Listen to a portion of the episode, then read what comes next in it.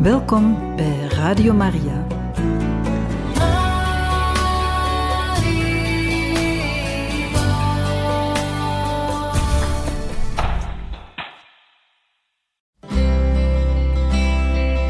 Welkom bij Boekat, een programma van Radio Maria.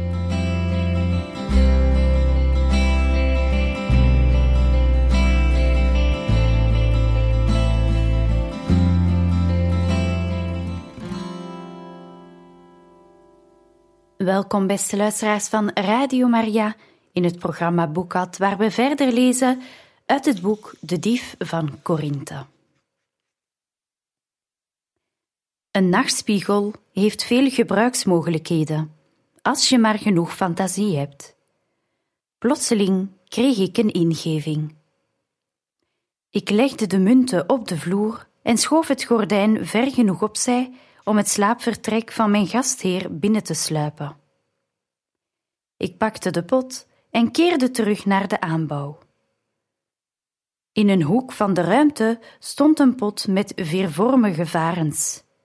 Ik goot de inhoud van de nachtspiegel erin met een gefluisterd excuus tegen de varens, stopte mijn zak met munten in de lege pot en schikte de stof zo dat de pot met een doek leek te zijn afgedekt. De dag brak bijna aan. Ik was een gewone slavin die de nachtspiegel van mijn meester droeg. Niemand hield me tegen toen ik me naar Galethea's piepkleine kamertje begaf. Ze had vader verteld waar ze sliep. Bij zonsopgang kwam een van de bewakers me halen, zoals ik had verwacht. Een man genaamd Galenos zegt dat zijn dochter een geschenk heeft voor de meester. Hij wil het aan niemand anders geven dan aan jou. Ik stond op van mijn stroomatras, met mijn hoofd gebogen en mijn haar als een lang gordijn voor mijn gezicht. Ik pakte de mand die Galatea voor me had klaargezet en fluisterde: Ik ken die heer. Hij heeft zijn mantel gisterenavond laten liggen. Ik zal hem meteen gaan brengen. De bewaker volgde me de zijdeur uit waar vaders draagstoel wachtte. De gordijnen van de draagstoel waren stevig gesloten. Ik liep naar mijn vader en bood hem de mand. Uw mantel, meester, u hebt hem gisteravond laten liggen. Een hand wenkte me in de draagstoel te komen. Ik wierp een snelle blik op mijn bewaker om toestemming te vragen. Het vroege ochtendlicht was nevelig, zodat mijn trekken verborgen waren. De bewaker geeuwde en wenkte met zijn hand dat ik mocht gaan. Ik klom in de draagstoel.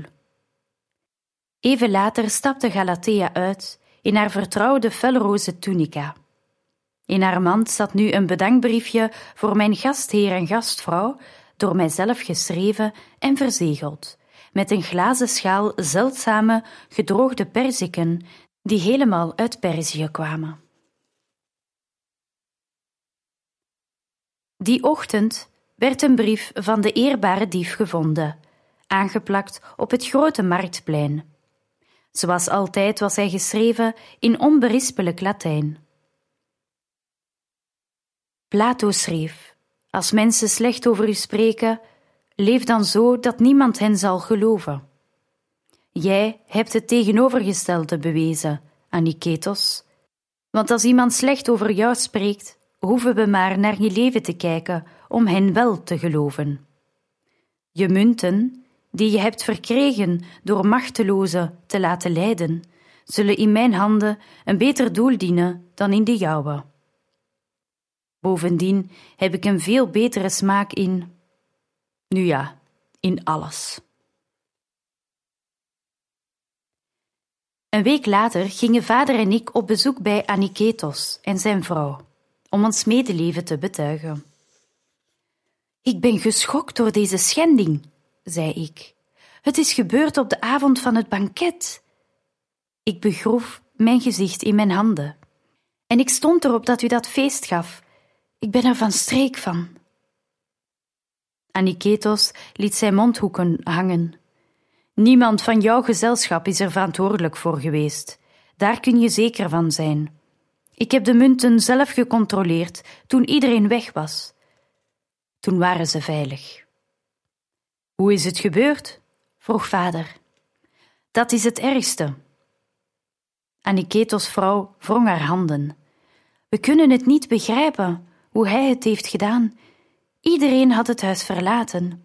De deuren waren vergrendeld. Er stonden bewakers bij alle ramen en deuren. Ze schudde haar hoofd zo heftig dat haar pruik scheef op haar voorhoofd zakte. Mijn handen jeukten om hem recht te zetten. Ik vermoed dat de bewakers van de wijn die voor onze gasten was bedoeld, in hun eigen bekers hebben geschonken en in slaap gevallen zijn onder het werk. Aniketos spuwde op de vloer. Die ellendige dief moet onder hun neus naar binnen zijn geslopen. Ik heb het hele stel ontslagen en nieuwe mensen aangenomen. Galatea bracht ons een schaal met kleine cakejes van biscuitdeeg, besprenkeld met honing. Wat een lief meisje is dat, zei ik tegen Aniketos. Hebt u haar zelf opgeleid? Ja, ik bemoei me met de training van al mijn slaven. Dat heb ik gehoord. Is ze te koop? Ik heb een persoonlijke slavin nodig, iemand met goede manieren, leuk om te zien en gehoorzaam. Het is tegenwoordig zo moeilijk om een betrouwbare slaaf te vinden. Aniketos rook winst en ging rechtop zitten. Galatea is dat alles en meer. Een sieraad in mijn huis. Ik zou het moeilijk vinden om van haar te scheiden. Kan ik je motiveren? Vroeg vader, die in een keekje hapte. Aniketos smakte naar zijn lippen. Misschien. Hij noemde een prijs waar je een Caesar mee vrij kon kopen. Vader trok een wenkbrauw op en noemde een lagere prijs. Het ging een poosje heen en weer, tot vader deed alsof hij zijn belangstelling verloor. Aniketos, die best wist dat vaders laatste bod nog steeds flink hoger was dan hij elders voor het meisje zou krijgen, ging overstag. Alleen voor jou, Galenos, en je prachtige dochter. We liepen het huis uit met Galatea achter ons aan.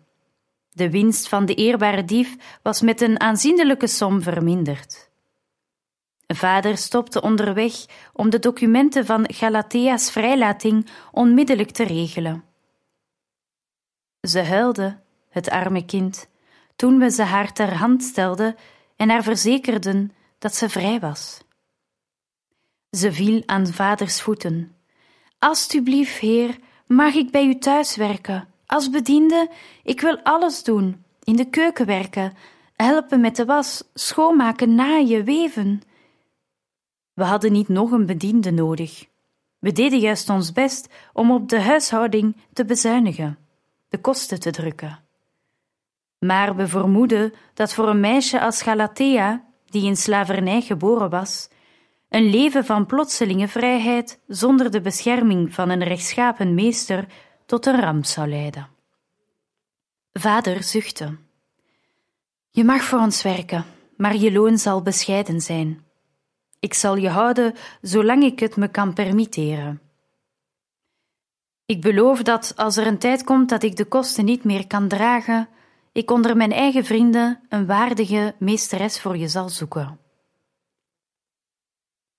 Galatea bedankte ons in tranen. Ze zou geen zwaar leven hebben in ons huis. Haar werk zou licht zijn en ze kreeg een vriendelijke behandeling. Ze hoefde ook niet bang te zijn voor de onwelkome avance van welke man dan ook, jong of oud. Ze kende ons geheim niet, natuurlijk. Vader had haar verteld dat ik verwikkeld was in een tragische romance en dat mijn minnaar en ik elkaar nog één laatste nacht zouden ontmoeten om afscheid te nemen op Aniketos feest. Twee weken voor het banket had vader haar hulp ingeroepen en alle informatie gekregen die we nodig hadden, evenals haar medewerking aan ons plan. In ruil daarvoor had vader haar vrijheid beloofd, als Aniketos gewillig bleek, of geld in het geval dat hij niet wilde meewerken. Zelfs voor slaven kwam een buidel vol munten goed van pas. Galatea had gewillig haar hulp toegezegd, hoewel ze niet zeker kon weten dat mijn vader zijn woord aan haar zou nakomen. Ongetwijfeld had ze daarna van de diefstal gehoord. Als ze die gebeurtenissen in verband bracht met mijn afwezigheid die nacht, heeft ze er nooit iets over gezegd. Ik vermoed dat ze het toegejuicht had als ze het geweten had. Ze verafschuwde haar oude meester en zou blij zijn met de kans om hem een flinke trap na te geven voordat ze weg was. Ik had mijn eerste opzettelijke misdaad gepleegd. Toen de opwinding daarover geluwd was, landde ik hard. Mijn leven zou nooit meer hetzelfde zijn. Ik kon mijn onschuld niet terugkrijgen.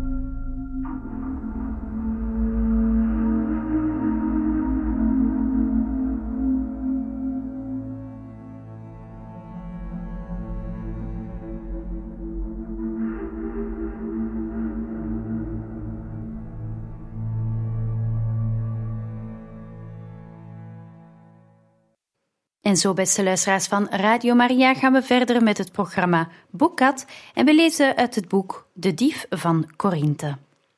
Galatea ging met gemak op in de dagelijkse gang van zaken in onze huishouding. Na twee weken was het alsof ze al jaren bij ons was. Zoals Delia aan mijn pleegbroer gehecht was geraakt, zo vormde Galatea een speciale band met mijn vader. Haar ogen volgden hem overal waar hij ging met verering.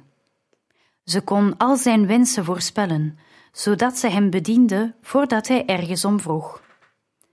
Als hij dorst had, kreeg hij aangelengde wijn in de hand. Als hij honger had, verscheen er eten op tafel. Als hij het koud kreeg, werd er een deken over zijn schoot gespreid. Als hij het warm kreeg, kwam ze met een waaier. We hoorden van Theo dat hij van plan was om binnen een week naar huis terug te keren. Eerst maakte ik me zorgen om Galatea. Mijn pleegbroer was met zijn onmiskenbare schoonheid, zijn pasgevonden zelfvertrouwen en zijn aandachtige manieren bijna onweerstaanbaar geworden voor jonge vrouwen. Galatea was zes jaar ouder dan wij, maar nog jong genoeg om in Theo's charmes te verdrinken. Ik had me geen zorgen hoeven maken. Ze leek Theo's aanwezigheid nauwelijks op te merken toen hij kwam. Hij vertelde ons dat hij van plan was een paar maanden niet te reizen. Met de komst van de winter waren de zeeën onbegangbaar en de wegen onaangenaam. Hij kon tot het eind van de lente voor Justus in Corinthe werken. Zijn aanwezigheid in huis verwarmde ons. Het ijs dat vader en hem hadden gescheiden begon voor het eerst in twee jaar te smelten. Het werden de gelukkigste maanden die ik ooit had gekend. Maanden van hoop, maanden van genezing. We gebruikten de maaltijd met elkaar, luisterden naar Theo's verhalen en vertelden hem de laatste roddels uit Korinthe. Soms kwam Claudia bij ons en tot mijn verrukking werd ook Justus een regelmatige bezoeker. Eén keer maar voelde ik de schok van een vreemde onrust, zoals het lichte rommelen dat soms komt voordat een aardbeving een berg in tweeën breekt. Op een avond kwam vader thuis met een geheimzinnige zak. Kom eens kijken wat voor curiositeit ik heb gekocht. Hij stuurde Galatea erop uit om handdoeken en een grote kom met heet water te halen, terwijl Theo, Delia en ik ons om hem heen schaarden om te kijken. Uit de zak haalde hij een ronde bal van een zachtogende substantie. Hij had de kleur van room en rook vaag naar vet. Wat is dat? zei ik. Zeep. Tja, dat verklaart niets. Ik heb er iets over gehoord, zei Theo. Het wordt gebruikt om schoon te maken. Precies.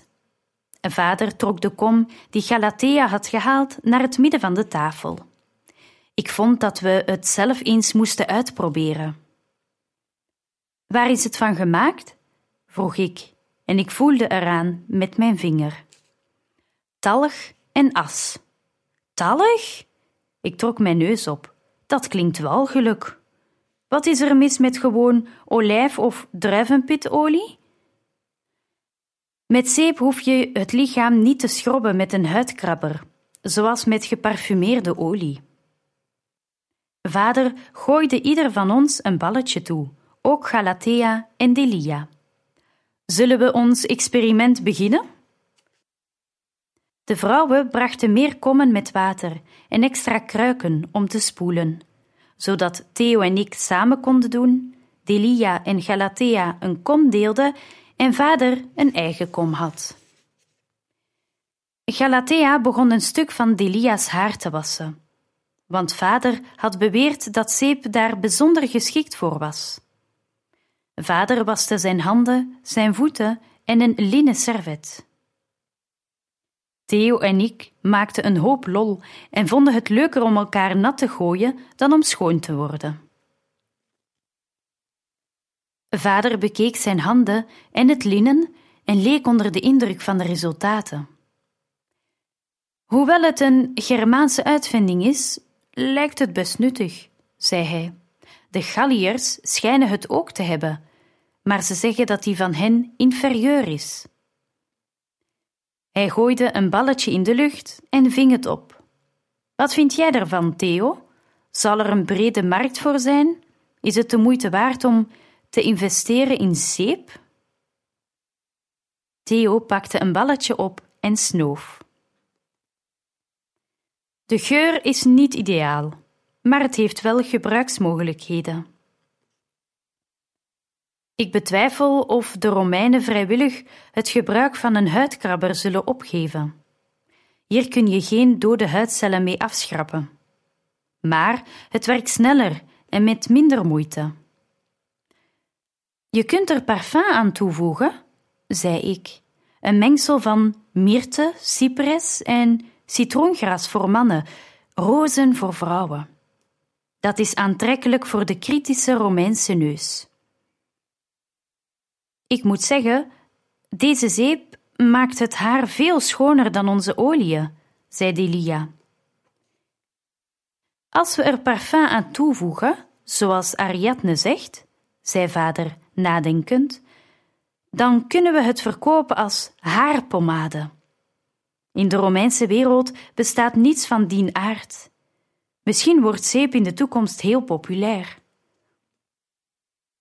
Ariadne, we moeten proberen je haar hiermee te wassen, zei Delia, die haar handen afspoelde. Ja, nu meteen, verklaarde Theo met een grijns en hij sloeg toe. Voordat ik het wist, probeerde hij mijn hoofd onder te dompelen in de kom water. Hij had een overwinningskrans verdiend met worstelen, en ik bleek geen partij voor hem. Hij sloot een hand om mijn arm en trok me naar zich toe. Ik viel lachend tegen zijn borst en probeerde hem weg te duwen en tegelijk de kruik met water uit zijn handen te wringen. Abrupt liet hij de kruik kletterend op tafel vallen. Zijn lach verdween als sneeuw voor de zon. Een ogenblik hield hij me tegen zich aan. Ik bespeurde een verandering in zijn stemming, in de lucht om ons heen. Ik begreep het niet en wurmde me uit zijn armen. Iets in zijn aanraking, zijn manier van doen, zijn verstilde blik gaven me een onbehagelijk gevoel en ik fronste mijn wenkbrauwen. Om de spanning te breken, gooide ik een zeepbal naar zijn hoofd. Hij nam niet eens de moeite om hem te vangen. De bal raakte zijn hoofd, de zilveren streep in zijn haar, en viel op de grond. Zijn gezicht stond ijzig. Ik dacht dat hij boos was omdat ik zeep naar hem had gegooid en verontschuldigde me. Hij zei niets. In plaats daarvan klom hij op de rug van een van de paarden en vertrok voor een lange rit. Toen hij terugkwam, rook hij naar zweet en paard en gras. Hij zag er moe uit, maar zijn goede humeur was terug. Mannen, dacht ik, wat waren ze toch soms eigenaardig.